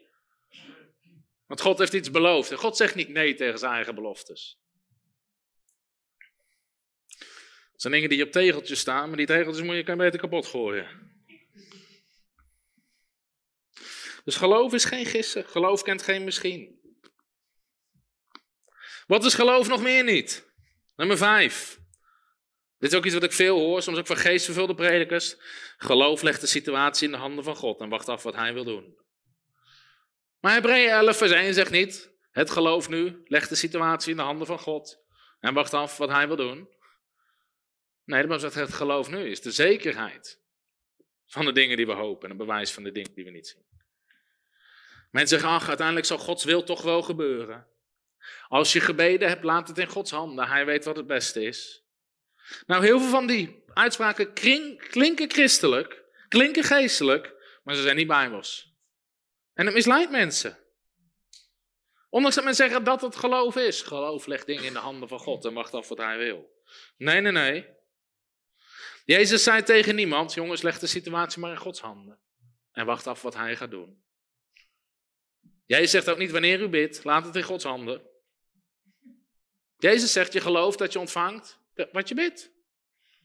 Je gelooft dat je ontvangt wat God belooft. Je krijgt wat jij gelooft en spreekt. We moeten geloven dat we ontvangen. Niet afwachten wat we gaan ontvangen.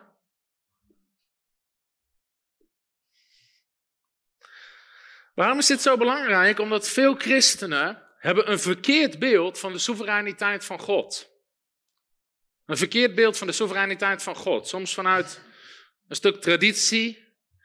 God is soeverein. God doet wat hij wil. God doet wanneer hij het wil. En uiteindelijk doet God toch wat hij wil.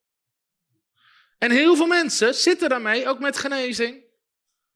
God zal het op zijn tijd doen. Ik mensen willen zeggen, als God mij wil genezen, zal hij het wel doen. Hoef ik niet naar de genezingsdienst te gaan. Of inderdaad, ze hebben ergens voor geloofd, denken ze, maar het gebeurt niet. Zeggen ze, ach, uiteindelijk gebeurt toch Gods plan. Of mensen hebben dat wel eens horen zeggen. Of Gods wegen zijn hoger dan onze wegen. Nee, nee, nee, nee. Die tekst in Jezaja 55, we gaan hem nu niet opzoeken, maar gaan maar nalezen. Spreekt niet over christenen, spreekt over de goddelozen. Spreekt over de man van ongerechtigheid. Tegen de man van ongerechtigheid, tegen de goddeloze zegt God, jouw wegen zijn niet mijn wegen. Jouw gedachten zijn niet mijn gedachten. Bekeer je. De letterlijke betekenis van het woord bekering is verander de manier waarop je denkt, zodat mijn wegen jouw wegen worden en zodat mijn gedachten jouw gedachten worden. Zie je wat de duivel heeft gedaan? De duivel pakt zoiets en plakt het op christenen. De duivel is zo slinks. Zelfs heel veel christenen geloven dat God en de duivel een keer rollen hebben gewisseld. Dat in het boek Handelingen zegt de Bijbel, de duivel maakt de mensen ziek en God genassen. En wat zeggen mensen nu? Als er een genezingsdienst is, dat is van de duivel. En als mensen ziek zijn, dat is het werk van God. Hallo, ze hebben niet rollen gewisseld. Dat ze rond het jaar duizend zeggen, ja, nou, nou ben ik er wel op uitgekeken. Zullen we een keer wisselen? Ja, goed idee, goed idee. Houd toch op, man, met die larikoek. Mensen hebben een totaal verknipt beeld van wie God is. God en de duivel hebben geen rollen gewisseld. God is goed, de duivel is slecht. De duivel maakt mensen ziek, God geneest. Zo simpel is het. Sterker nog, daarom zegt de Bijbel dat je je denken moet vernieuwen, zodat je leert wat de volmaakte, welbehagelijke wil van God is. In Efeze schrijft Paulus, wees niet onverstandig, maar ken de wil van de Heer. In Colossense bidt Paulus dat je de volledige wil van God zou kennen. Het is de wil van God dat jij weet wat God wil. En niet allemaal vage dingen. Ja, God is soeverein. God is soeverein. Hij doet wat hij wil. Nee, God doet niet wat hij wil. God doet wat hij belooft. Halleluja. Wat hij wil, heeft hij beloofd. En zijn beloftes komt hij na. En de Bijbel zegt, God heeft zijn woord verheven boven zijn naam. God is soeverein, maar in zijn soevereiniteit gaat hij nooit tegen zijn eigen woord in, want dat zou hem maken tot een leugenaar en dat is hij niet. Dat is hij niet. Hij is geen mens dat hij liegen zou. Bovendien, die mensen hebben geleerd, ja, God is soeverein, uiteindelijk alles wat hier op aarde gebeurt is ergens de wil van God. Ik weet niet waar je gestopt bent met lezen, maar ik denk in Genesis 1. In Genesis 3, de zondeval, was dat de wil van God? Nee, was niet de wil van God. Je leest constant dingen in de Bijbel die niet de wil van God zijn, wat niet Gods plan is, maar wat toch gebeurt. Omdat of de duivel het doet, of de mens het doet.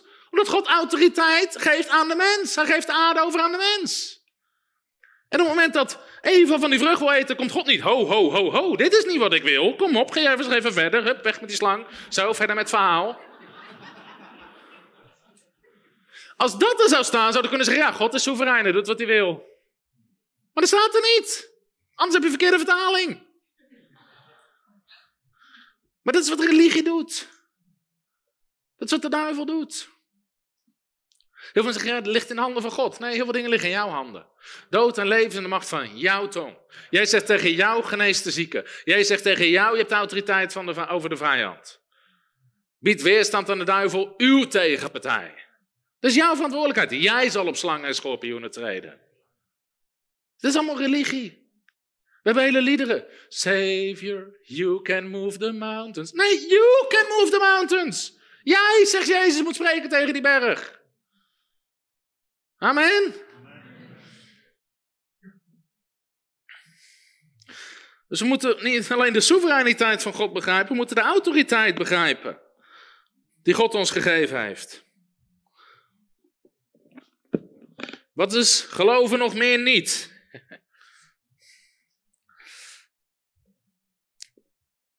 Nou, deze lijkt misschien op de eerste, maar ik bedoel er iets anders mee. Geloof is geen verstandelijk besluit. Geloof is geen verstandelijk besluit. Als ik zou vragen hoeveel mensen dit zouden herkennen, zouden ook veel mensen hun hand opsteken. Nou, ik kwam een keer met iemand in gesprek en die in zijn omgeving was iemand ziek geworden, familielid, was gestorven. En die zei ook, joh, ik snap het niet, zegt hij. We hadden geloof voor genezing, het is niet gebeurd. Toen vroeg ik, het los van de hele situatie heel fijn, is, hoe kwam je aan dat geloof? Je zegt, we hadden geloof voor genezing, maar het is niet gebeurd. Hoe kwam je aan dat geloof? Uh, nou, gewoon, zegt hij. We zaten bij elkaar met z'n allen en zeiden we laten we in geloof gaan staan voor genezing. Het punt is, geloof is geen besluit wat je zomaar even maakt.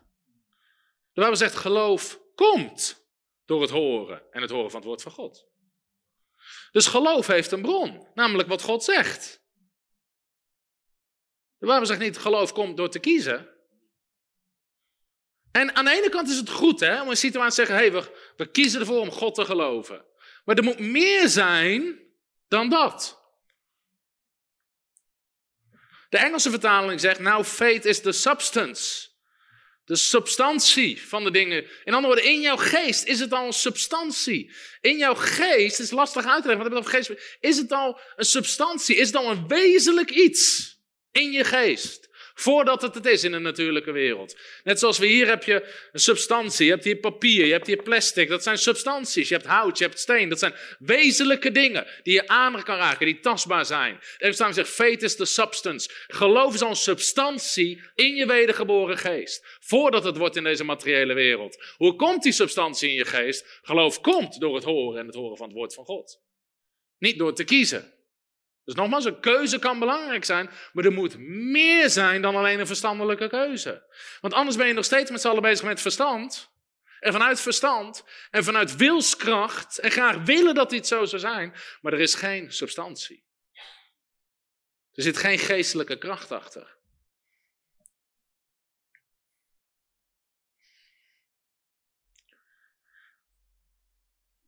Dus geloof is meer dan een verstandelijke keuze. Geloof is meer dan een verstandelijke keuze. De Bijbel onderwijst niet dat geloof komt door te kiezen. De Bijbel zegt geloof komt door het horen.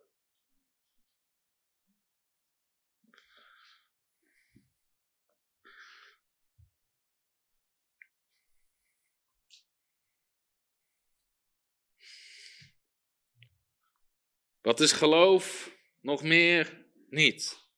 Wat is geloof nog meer niet? Geloof is geen eigen idee. Geloof is geen eigen idee. Ik heb zoveel mensen horen zeggen: Ik heb echt het idee dat God dit en dat gaat doen. Ik heb echt het idee dat. Nou, ik heb heel veel mensen gehoord met ideeën, dromen en profetieën. En van veel van die dingen komt niks terecht. Sterker nog, soms lijkt het wel hoe groter de dromen, de ideeën of de profetieën, hoe minder er van terecht komt. Dus dan God zegt, God zegt, God zegt, dan zijn ze hier, dan zijn ze daar, dan laat God ze dit zien, dan laat God ze dat zien. Ja, ik heb echt het idee dat God dit gaat doen. Ik heb echt het idee dat God ons dat gebouw gaat geven. Ik heb echt het idee dat dit of dat. Ik heb echt het idee. Nou, een idee is inspiratie, maar wat je nodig hebt is substantie. Zelfs als een idee van God komt, moet er substantie achterkomen. Je moet niet alleen het idee hebben, je moet ergens het geloof voor hebben. Je moet een idee hebben, God gaat dit doen. Vast moet er geloof komen om het te gaan doen. Anders blijven mensen maar wachten. En wachten en wachten. Ik heb kerken, ik geloof echt. Ik heb echt het idee dat God ons een gebouw gaat geven. Twintig jaar later zitten ze nog steeds zonder gebouw. Ik heb echt het idee dat God hier genezingsdiensten wil gaan doen. Twintig jaar later nog genezingsdienst geweest. Ik heb echt het idee dat er grote dingen. En er gebeurt niks. Er gebeurt niks. Dus zelfs als het geïnspireerd is door de geest, heb je meer nodig dan inspiratie. Je hebt substantie nodig. Je hebt substantie nodig. God staat achter zijn woord, maar niet achter jouw idee. God staat achter zijn woord, maar niet achter jouw idee. Nou, dit gooi ik er gewoon eventjes gratis tussendoor. Kijk maar wat je ermee doet. Maar soms moeten we überhaupt heel anders gaan geloven. Heel veel zendelingen denken. Hoe geestelijker je bent, hoe meer het op het laatste nippertje terecht binnenkomt. En anders nog te laat. En dan zeggen we, ja, God had een ander plan. God had een ander plan. Of prijs God, ik kreeg toch uitstel voor 14 dagen en toen was het precies binnen. Na het versturen van zes nieuwsbrieven, acht Facebookberichten en zes mensen bellen. En we denken dat dat heel geestelijk is. Maar misschien moet je op een gegeven moment veranderen het mij. Toen ik andere predikers hoorde, van ook met het runnen van een bediening, is niet de bedoeling dat je iedere maand net genoeg geld hebt, dat je gewoon meer dan genoeg geld hebt.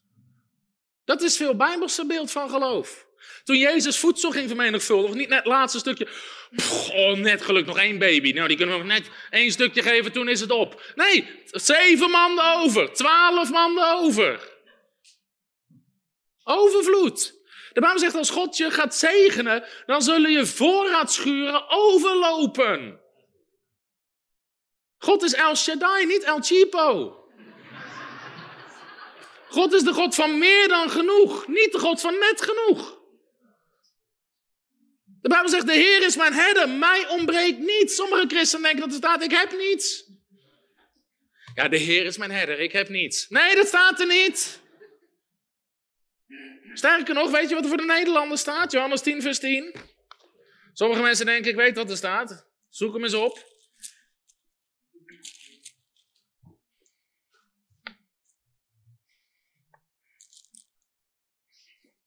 Johannes 10, vers 10. Als je hem gevonden hebt, zeg je prijs de Heer. Als je hem niet gevonden hebt, zeg je wacht even.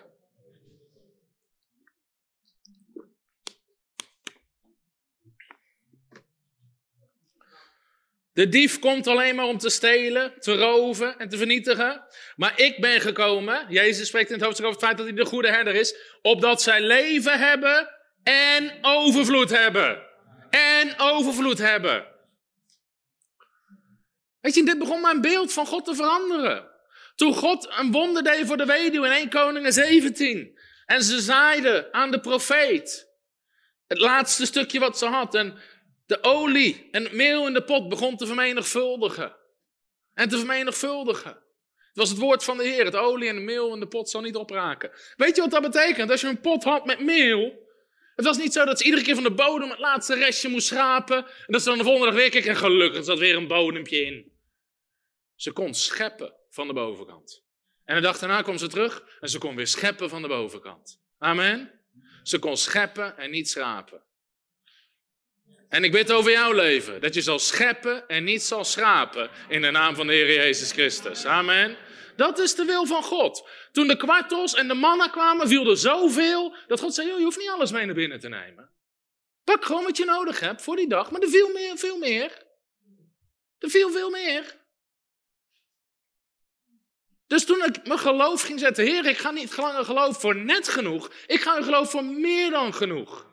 En sinds dat we God geloven voor meer dan genoeg, kunnen we veel meer doen dan net genoeg.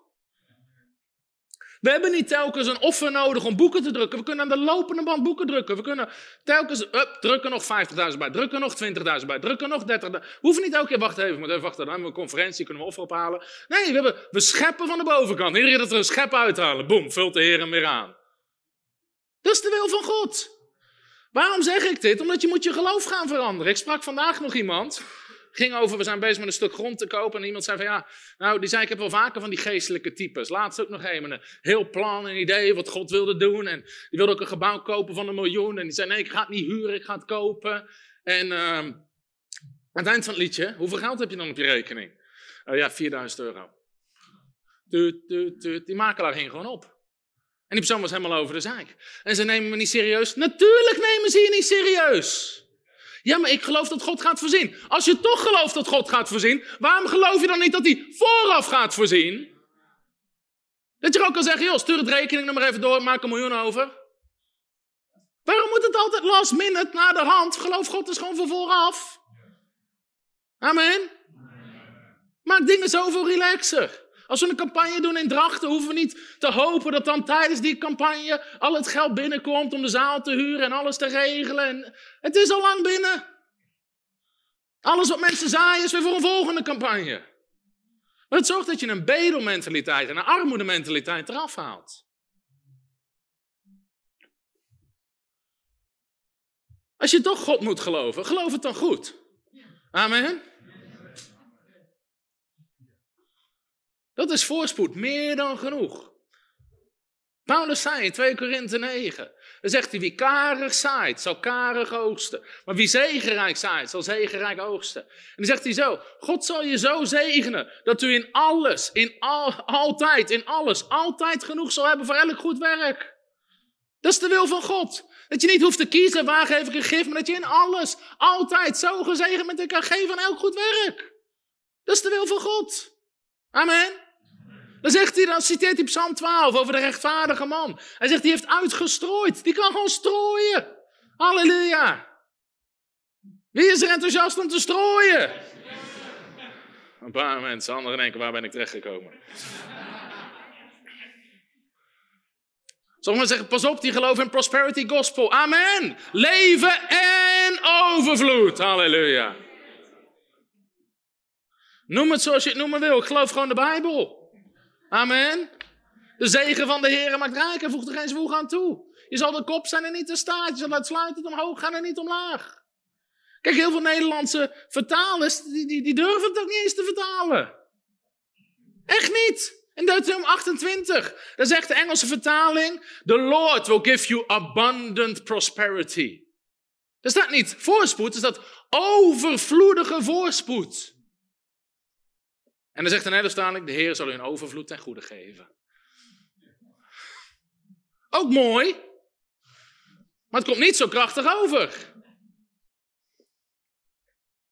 3 Johannes 1 vers 2, daar zegt, I pray that you prosper in all things. Ik bid dat u in alles voorspoedig wordt. Dat je in alles voorspoedig wordt.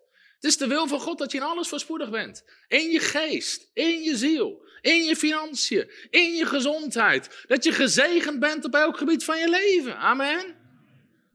En daarom hoop ik mensen in een levensstijl van geloof te krijgen. Zegen is beter dan voorziening. Bovennatuurlijke gezondheid is beter dan iedere keer een wonder. Amen. Dat is het proces waar christenen doorheen moeten. En ik ervaar gewoon, dit zijn hier mijn aantekeningen, daarom zeg ik, je krijgt er gratis bij. Maar heel veel christenen zitten in een woestijnmentaliteit. Je kan het lezen in Deuteronomium 8. In de woestijn moesten ze elke keer bidden voor manna, elke keer bidden voor kwartels en iedere dag viel er opnieuw. En ze gingen van wonder naar wonder. Maar nu zegt God, nu ga ik je in het beloofde land brengen. En ik zal het werk van je handen zegenen. En er zal meer dan genoeg zijn. Je zilver en je goud zal talrijk worden, al die dingen meer. Ze hoefde niet te leven van wonder naar wonder. Ze leefde gewoon in de zegen. En het hoeft niet verkeerd te zijn. Tuurlijk is het mooi ook om van wonder naar wonder te leven. Maar als je dat al 35 jaar doet, is er, moet er een keer iets veranderen. Sommige christenen hebben ook zo'n getuigenis in een bedrijf. Ja, er komt iedere keer net een klant, net een klant. Er moeten zoveel klanten komen, dat, dat, dat, dat hoeft niet in je getuigenis te zijn. Amen. Nou, daar mag je helemaal even goed over nadenken.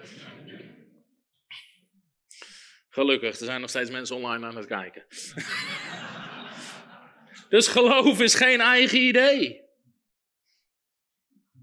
Sterker nog, Jezus zegt onze eigen ideeën, onze eigen tradities, onze eigen invullingen maken het woord van God krachteloos. En als je goed luistert, hoor je heel veel eigen ideeën. Ik snap er niets van dat broeder Piet overleden is, waar honderd mensen hebben voor hem gebeden. Waar zegt Jezus laat honderd mensen bidden? Nergens, dat is jouw idee. Heb je zelf verzonnen. Vervolgens ga je de waarde aan hechten. En dan ga je God afrekenen op het feit dat het niet gebeurd is. De Bijbel zegt nergens, laat honderd mensen bidden. we starten een gebedsketting. De Bijbel zegt niet, start een gebedsketting. We starten een gebeds Facebookgroep. De Bijbel zegt niet, start een gebeds Facebookgroep. Jezus vroeg aan niemand, waar was je gebed? Hij vroeg, waar was je geloof? Dit is het ding. Geloven zal werken zonder te bidden, maar bidden zal nooit werken zonder te geloven. Je kan ergens voor geloven en het gebeurt gewoon, zelfs zonder dat je ervoor bidt. Maar je kan bidden wat je wil, maar als je geen geloof hebt, zal het nooit gebeuren. Geloof zal werken zonder te bidden, maar bidden zal nooit werken zonder te geloven. Nou, ook dit soort ideeën. En daarom haal ik veel voorbeelden aan, dat we zijn wat heilige koeien aan het slachten. Wat heilige huisjes aan het neerhalen. We zijn eerst wat dingen aan het afbreken voordat we kunnen opbouwen. Amen. Ja, waarom geneest broeder Piet niet? Als hij zou genezen, zou de hele familie tot geloof komen. Waarom geneest God broeder Piet niet? Hij is zijn hele leven lang voorganger geweest. Waarom geneest broeder Piet niet? Hij is heel zijn leven aanbiddingsleider geweest. Hij is heel zijn leven lang naar de, trouw naar de kerk gegaan. Hij is heel zijn leven lang zo liefdevol naar iedereen. Dit is geen Bijbels geloof. Het zijn allemaal eigen ideeën. Allemaal eigen ideeën. Hoeveel keer heb je die niet gehoord? Als die persoon genezen zou, nou dan zou heel die kerk omgaan. Jezus zegt niet, leg handen op zieken zodat heel die kerk om zou gaan. Dat heel de familie tot geloof. Uiteindelijk bieden we of goede werken aan. Waarom geneest broeder Piet niet? Hij is heel zijn leven lang voorganger geweest. Denk je nou dat je met goede werken naar de Heer kan gaan? Dat is, gewoon, dat is gewoon nog steeds dat denken, nog steeds goede werken. Aan willen bieden bij God. God belooft ons geen genezing omdat we voorganger zijn, aanbiddingsleider zijn, oudste zijn, omdat we trouw naar de kerk gaan, omdat we aardig zijn voor de mensen om ons heen. Allemaal geen bijbelse, allemaal eigen ideeën. Allemaal eigen ideeën. Bovendien, het probleem zit niet bij God. Door zijn streamen bent u genezen. Heel de vraag, waarom geneest God broeder Piet niet, is een verkeerde vraag. God heeft alles al gedaan. Toen Christus riep, het is volbracht, was het al volbracht. Daar ligt heel het issue niet. Net zo, ik heb thuis geen tv, maar stel je voor dat ik een tv zou hebben en ik zou, hoe heet zoiets, Ziggo of zo, weet ik veel. Of een, uh, dan wil je spreken, ik wil Nederland 3 kijken. En ik heb alleen maar zwart beeld. Joh, waarom zendt Nederland 3 niet uit? Waarom zendt Nederland 3? Nou, waarschijnlijk zenden ze wel uit, maar is er iets mis met mijn afstandsbediening of mijn kastje? Het ligt ergens aan de ontvanger.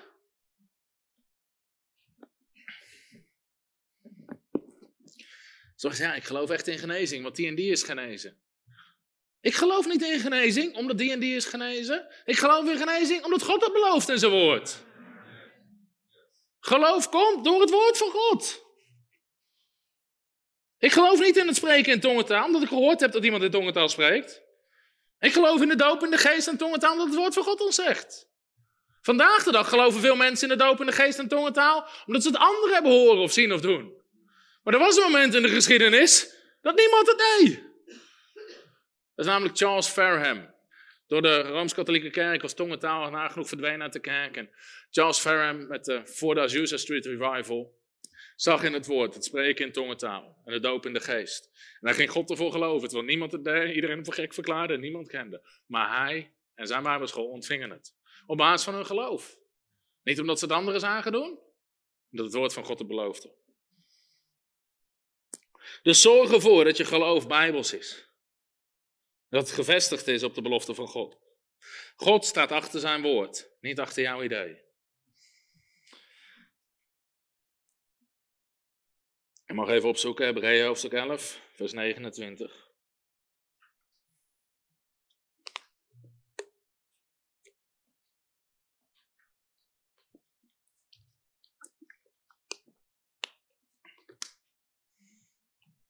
Hebreeën hoofdstuk 11, vers 29.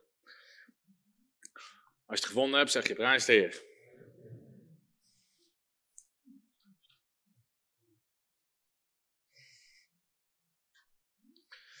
Er staat dit. Door het geloof zijn zij door de Rode Zee gegaan, als over het droge.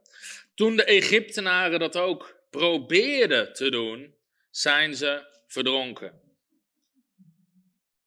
Nummer 8. Geloven is geen proberen. Dan maar zeggen, ik heb dat geloof geprobeerd, dat werkte niet. Ik heb dat spreken tegen de berg geprobeerd. Het werkte niet. Ik heb dat genezing geprobeerd, maar het werkte niet. Maar Jezus zei niet in Marcus 11, vers 23, wie dan ook probeert tegen deze, tegen deze berg te zeggen. Jezus zei ook niet, probeer handen op zieken te leggen. Nee, geloven en proberen zijn twee verschillende dingen. Het kan helemaal op elkaar lijken. Dat is met veel van deze dingen. De uiterlijke kenmerken kunnen op elkaar lijken, maar we hebben het over de bron waaruit we functioneren. Wat is het verschil tussen geloven en proberen? Dit is misschien een mooi voorbeeld. Toen we, en we hebben nu, ik weet niet hoeveel mensen we totaal hebben, op YouTube zitten er ongeveer 300 mee te kijken. Misschien dat 400 mensen mee zitten te kijken. Toen wij nog niet eens een bediening hadden, toen eerst frontrunners hadden, kwam er een profeet. En ik denk dat eh, Casper zit, in, uh, zit daar in de zaal. Casper was er denk ik bij op dat moment. En er was een profeet en die wijst me aan. Die zegt, um, God gaat je mediabediening geven. En gaat duizenden mensen toerusten via multimedia, via video, via al die dingen. Nou, toen hij dat profeteerde, ik wist nog niet eens hoe ik een computer op moest starten. Echt niet, mijn broertje is ICT'er. Ik heb hem een keer bijgeroepen, omdat ik zeg, mijn computer loopt vast, joh. Ik zat naar dat scherm te kijken, dat scherm zat te flikkeren. Hij kijkt naar mijn toetsenbord, lag, mijn muis op mijn enter of zo. Dus het ding dat ging heel de tijd heen en weer. Opgelost. Uh, dankjewel, dankjewel. Dus even om aan te geven waar mijn, mijn ICT-kennis toen zat. In ieder geval, we kregen die profetie. En we kregen dat woord. En toen een jaar later of zo startten we frontrunners en we wisten, We moeten een online bijbelschool. Iemand gaf ons een gift met omschrijving, camera, we kregen videospullen. En we wisten zeker, dit is iets wat God ons gegeven heeft. En natuurlijk had ik helemaal geen verstand van, maar we zijn het gewoon gaan doen. En we begonnen gewoon uit te zenden. En in het begin ook met Voice of Fate. Hadden we, we hadden een heel klein studiootje verderop in de straat. Je moest de camera tegen de muur zetten. Moest ik zelf strak tegen de andere muur gaan zitten. Kon ik precies zo op het knopje drukken. Paste ik net in beeld. En dan moest ik zelf nog de laptop bedienen. En dan gingen we live, iedere week. En dan zag je twee kijkers. En dan wist je, één is mijn eigen telefoon en de ander is mijn vrouw. en dan ging je van twee naar één. dacht je, mijn vrouw is gestopt.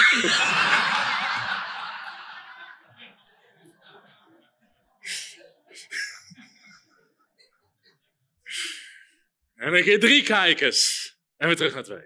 En vier. En vijf. En we gingen gewoon door. En ook met Bijbelschop.tv, toen nog die oude versie. Weet je wel, gewoon een docent achter de camera zetten. Weet je, ik heb soms een, ik heb een keer een docent een hele middag laten preken, was vergeten het geluid aan te zetten.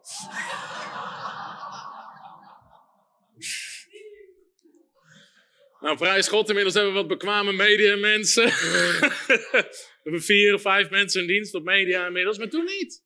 Maar iedere week deden we het en we schoten video's. En weet je, een van de dingen die God me toen... Ik zag een videootje van... Ik weet niet eens, maakt niet eens waarover. Het ging juist nergens over. En God vroeg me, geloof je dat dit ook voor het evangelie kan? Dat video's viral gaan? En we wisten gewoon zeker, dit is iets wat God ons heeft gegeven.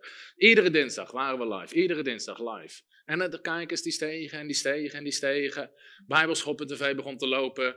En nu, vandaag hebben we meer dan 10.000 YouTube-abonnees. We hebben nu honderden mensen zitten te kijken. Duizenden die er terugkijken. En regelmatig komen andere bedieningen. En die zeggen, hey, wij hebben dat ook geprobeerd. Maar het werkte niet. Maar wat was het verschil? Wij waren het nooit aan het proberen. We waren het gewoon aan het doen.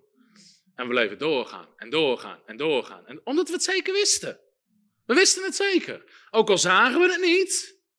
Geloof de zekerheid van de dingen. Bewijs van de dingen die je nog niet ziet. Maar we wisten het zeker. Dus we waren het niet aan het proberen. We zaten niet in de wedstrijd. Van laten we dit eens vijf keer proberen en als het niet werkt, stoppen we ermee. Dus al die bedieningen zeggen, we hebben ook geprobeerd te livestreamen, maar we hadden, we hadden vier, vijf kijkers en dat, dat lukte niet, dus we zijn gestopt. Maar dat is het verschil. Jullie waren het aan het proberen, wij zijn het gewoon aan het doen. Dus het uiterlijk kan hetzelfde lijken, maar het hart erachter kan anders zijn. Dus iets proberen en iets doen.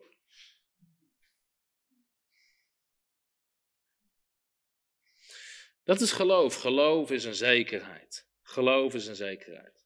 De Bijbel zegt toen de Israëlieten dat ook probeerden te doen, mislukte het. Geloof is. Oh ja, amen. Toen de Egyptenaren dat probeerden te doen, dankjewel. Geloof is een zekerheid. Als je het zeker weet, ben je het niet aan het proberen, je bent het aan het doen. Daarom zeggen sommigen, ja, maar ik heb dat tiende geven geprobeerd, maar het werkt niet. Ik heb zaaien en oogsten geprobeerd en het werkt niet. We leven nu, gewoon ook, weet je, ook met de bediening, gewoon in de zegen van God. We zijn gewoon gezegend. Er waren ook tijden, ook privé, ook met mijn vrouw Femke Bijbelschool deed in Engeland. Er waren tijden letterlijk dat ze twee weken lang alleen maar reisde had. Omdat we meer hadden we niet. Maar het kwam niet in de op om niet tiende te geven. We geloofden het gewoon. Geven van tiende. Saaien. Ook al hadden we zelf bijna niks. Tiende geven. Saaien. En de zegen van God kwam. Maar het kwam niet van het een op het andere moment. Gelukkig niet. Hoeveel weten als God in één keer onze zegen uit zou storten? Velen zouden niet eens aankunnen. Jij zegt je moet getrouw zijn in het kleine. En dan ga ik je over meer stellen. Veel mensen proberen het met klein. Zeg, zie je, werkt niet. Werkt niet. Dat is een verschil tussen mensen die het proberen en mensen die het gewoon doen. En geloven ze zeker, dus je doet het gewoon. Je doet het gewoon, of je het ziet of niet, je doet het. Je wil niet weten op hoeveel mensen ik handen heb gelegd zonder dat ze genezen zijn. Maar ik was het niet aan het proberen, ik was het aan het doen. En nu vandaag de dag zien we alle rare resultaten die we in het begin niet zagen.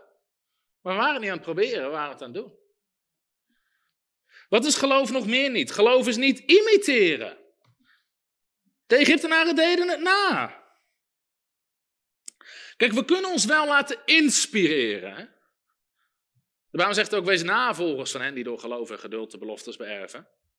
Dus we kunnen ons laten inspireren door mannen en vrouwen van God, mensen die verder zijn. En gewoon kijken hoe ze het doen en al die dingen meer. Inspiratie is goed, maar het moet uiteindelijk substantie worden. Er moet een zekerheid komen vanuit het woord van God in jouw leven. En met sommige dingen is inspiratie ook goed. Als je kijkt, hey, hoe doet hij dat? Hoe doet, hoe doet dat? Weet je, met, misschien met bidden voor zieken of met bevrijding. Is het heel goed als we voorbeelden hebben en inspiratie.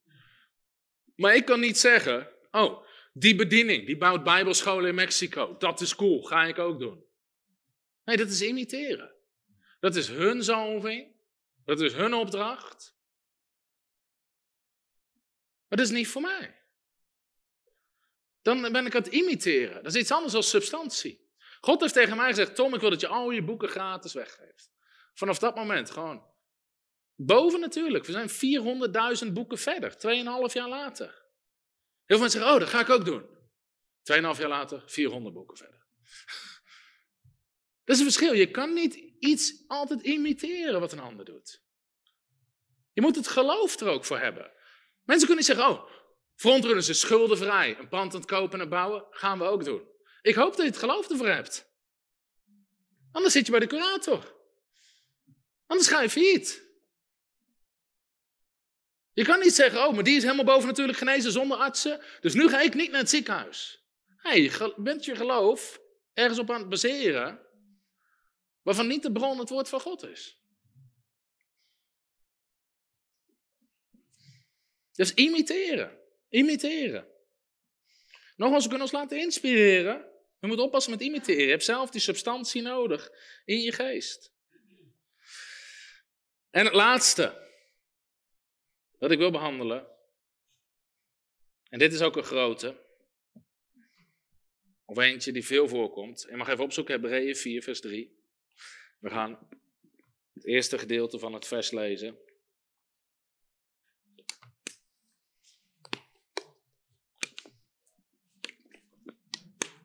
Hebreeën hoofdstuk 4, vers 3.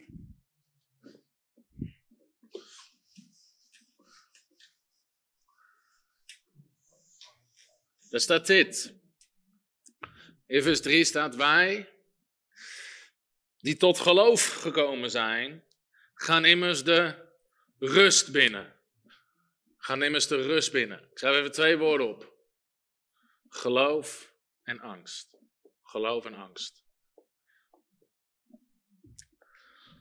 Het tiende, wat verward wordt met geloof, en dit klinkt raar voor sommige mensen, dus ik ga uitleggen wat ik bedoel. Geloof ontstaat niet uit angst voor het verkeerde. Geloof ontstaat niet uit angst voor het verkeerde. Het klinkt raar, maar de uitingen van geloof en angst kunnen erg op elkaar lijken, ondanks dat het tegenpolen zijn. De uitingen van geloof en angst. Geloof en angst zijn tegenpolen, maar het kan heel erg op elkaar lijken. Mensen kunnen spreken tegen de storm omdat ze bang zijn, en mensen kunnen spreken tegen de storm omdat ze geloof hebben. De uiting is hetzelfde. Ze spreken tegen de storm. Maar de bron is anders. Of vanuit angst, of vanuit geloof. Mensen kunnen bidden voor genezing omdat ze geloof hebben. Mensen kunnen ook bidden voor genezing omdat ze bang zijn. De uiting is hetzelfde, maar de bron is anders. En het resultaat is totaal anders. We kunnen bidden voor een ziek persoon omdat we bang zijn dat de persoon anders overlijdt. Of we kunnen bidden voor een persoon dat we weten dat hij geneest. Ongemerkt, ik heb dit dus ook in mijn nieuwe boek geschreven, zit er een hele hoop angst in de kerk wat we label geloof geven. Hoe vaak horen we niet dit soort gebedsoproepen? We moeten allemaal bidden, anders overlijdt die persoon. Herkenbaar? We moeten allemaal bidden, anders overlijdt die persoon. De bron is angst, geen geloof. Het ontstaat vanuit angst voor het verkeerde. We zijn bang dat dit gebeurt en vanuit daaruit worden we gedreven. Maar dat is niet hoe geloof werkt. Als je het zou vergelijken met de storm, is het verschil tussen Jezus, die vanuit de rust. Jezus sliep in de storm. Je hebt alleen autoriteit over de stormen waar je in kan slapen. Geloof functioneert vanuit rust. Wij die tot geloof gekomen zijn, gaan de rust binnen. Jezus functioneerde vanuit rust. Hij zei storm, ga liggen. Hij bestrafte de storm, de storm ging liggen. Als de discipelen het hadden moeten doen op dat moment, maar er zat angst in hun hart, dan zegt, het storm, ga liggen. Ze zeiden hetzelfde misschien, maar de bron is anders. Het probleem is dat op veel plekken gebed gereduceerd is tot een christelijke reactie op een probleem. Gebed is de christelijke reactie op een probleem geworden. We hebben een probleem, daarom gaan we bidden. Niet omdat we geloven hebben in de beloftes van God. Niet omdat we geloven dat God een waarmaker is van een woord. Van zijn woord. Angst of religie. De uiterlijke kenmerken kunnen hetzelfde zijn. Bidden, proclameren. Maar de geestelijke bron waaruit mensen tappen is anders. Dus geloof werkt ook niet vanuit nood. Er kan een nood zijn waarvoor je in geloof gaat staan. Maar de bron is niet die nood. Net zoals die, dat gaan we nu niet lezen, maar die Canaanese vrouw in Matthäus 15. Als je het leest, riep ze, heren, mijn dochter is ernstig bezeten. Hoe erg haar situatie was. Heren, help mij, heren, help mij, heren, help mij. En het ging allemaal om haar nood, haar probleem. En dan zegt Jezus, het is niet goed om het brood van de honden te geven aan de kinderen. En dan stopt die vrouw over haar probleem. En biedt ze geloof aan. Zegt ze, heer, één kruimel is genoeg. Heeft het niet meer over haar nood, over haar probleem? Zegt heer, één kruimel. De focus van haar probleem af naar de Heer. Eén kruim van u is genoeg. Jezus zegt, groot is geloof, het zal gebeuren zoals u wil. Maar eerst was ze bezig met nood, probleem, helle, proop. Heel veel christenen ook in de kerk komen met nood. Uh, bid voor mij dit. Vanuit nood, vanuit angst. Niet vanuit geloof. Daarom zeg ik altijd, de bloedvloeiende vrouw trok Jezus niet aan zijn, aan zijn jasje om het hele probleem te vertellen. Omdat ze geloof had.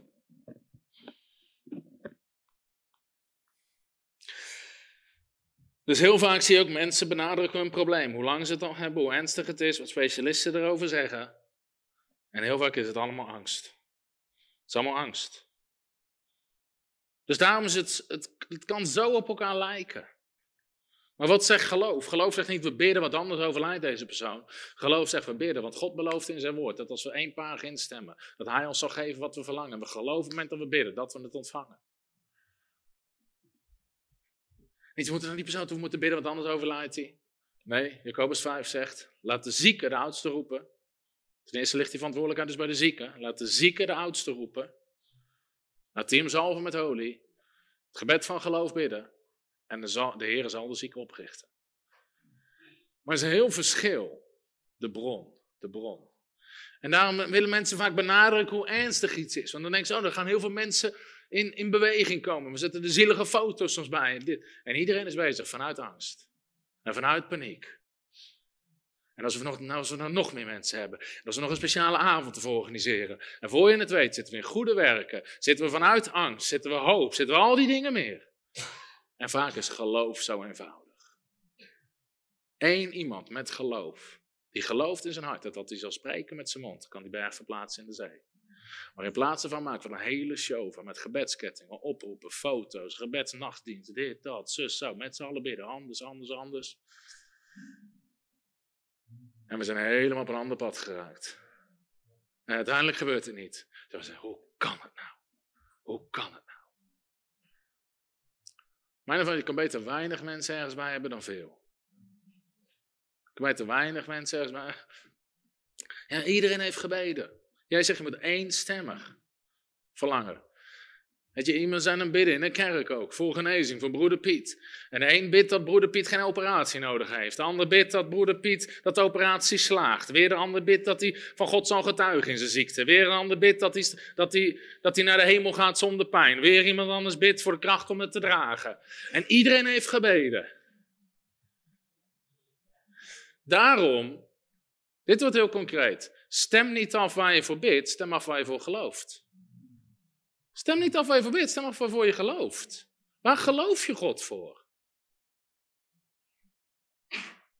En dan merk je in één keer dat je soms helemaal niet kan levelen met mensen. Want ze zijn aan het hopen of ze hebben helemaal geen geloof. En dan heeft het nog geen zin om te bidden, dan moet je ze eerst de waarheid vertellen.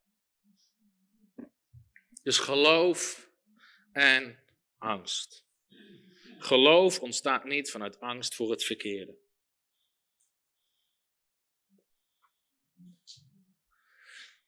Nou, dit zijn dus tien dingen die mensen verwarren met geloof. Denk je dat er een hoop verward wordt met geloof?